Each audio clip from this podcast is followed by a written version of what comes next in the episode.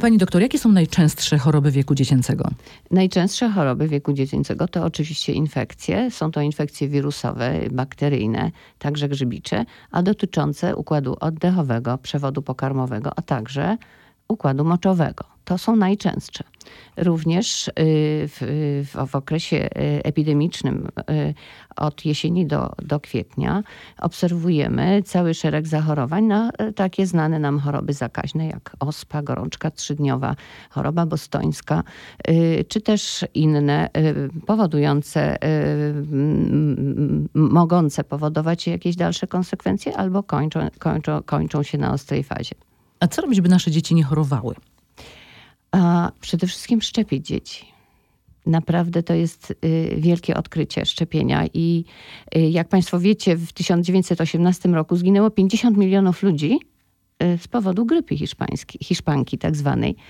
Każdego roku możemy się na tą grypę zaszczepić. Możemy się zaszczepić na inne schorzenia wirusowe, a także bakteryjne. Są choroby, takie jak zakażenia pneumokokowe czy meningokokowe, które u dzieci w jakimś procencie przypadków kończą się śmiertelnie.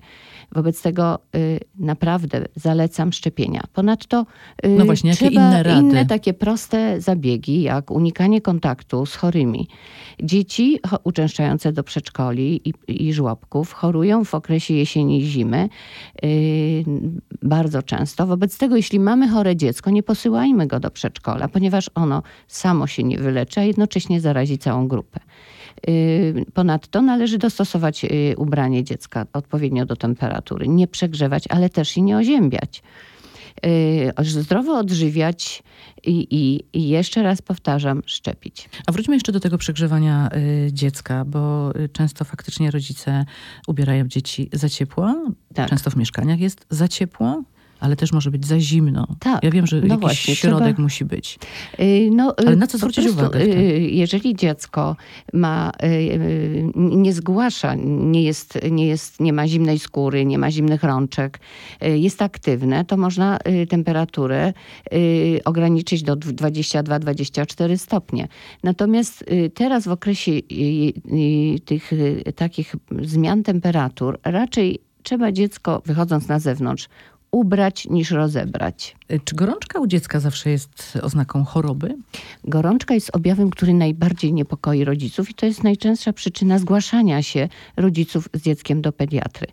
Oczywiście może ona być przyczyną e, e, banalną, ta, taką jak przegrzanie, o którym wcześniej mówiłyśmy, ale jednak u dzieci, e, zwłaszcza małych, niemowląt i noworodków, gorączka, zwłaszcza taka, której towarzyszą inne objawy jak kaszel, biegunka, wymioty, czy też groźniejsze objawy ze strony ośrodkowego układu nerwowego, no, wymaga pilnej konsultacji rodziców i pilnej konsultacji lekarza.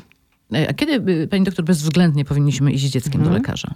Jak mówię, sama gorączka y, nie jest niepokojąca, jeżeli nie towarzyszą gorączce inne niepokojące objawy. Jak wysoka ta gorączka? Gorączka yy, niepokojąca już jest powyżej 38, 5, 39, 40. Oczywiście, jeżeli tej gorączce po podaniu środka przeciwgorączkowego dziecko czuje się dobrze, nie zdradza niepokojących objawów, to można y, przeczekać i obserwować dziecko, a kiedy y, gorączka nie ustaje, trwa, dołączają się jakieś inne objawy, należy wówczas skonsultować z lekarzem. Y, często rodzice skarżą się, że ich dzieci nie chcą jeść. Czy rodzice małych dzieci powinni właśnie namawiać dzieci do jedzenia? Jeżeli, jeżeli dziecko ma dobre parametry rozwojowe, czyli dobrze przybywa na wadze, ma dobre wzrastanie, y, wygląda na zdrowe dziecko, y, to trzeba przemyśleć, ile tak naprawdę to dziecko je, bo rodzice, a zwłaszcza babcie, mają taką skłonność do przekarmiania dziecka.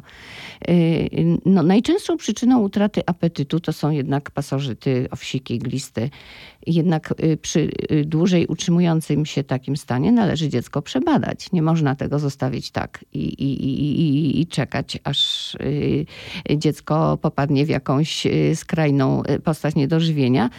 Trzeba przebadać każdy praktycznie narząd, i nerki, i serce, i przewód pokarmowy. Takie dziecko kierujemy wówczas do lekarza gastrologa, specjalisty, żeby móc wykonać te badania specjalistyczne. My często nagradzamy dzieci słodyczami. Tak, niestety powinniśmy y, jednak unikać słodyczy, ponieważ to są ale puste całkiem? kalorie. Całkiem nie, ale bez przesady y, ponieważ one nie dają żadnych, y, po prostu dziecko przybiera na wadze. Od czasu do czasu jak najbardziej. Trzeba zachować po prostu umiar. Czyli ta dieta y, również jest bardzo ważna u dziecka. A jeszcze pytanie dotyczące spacerów z tak. dzieckiem.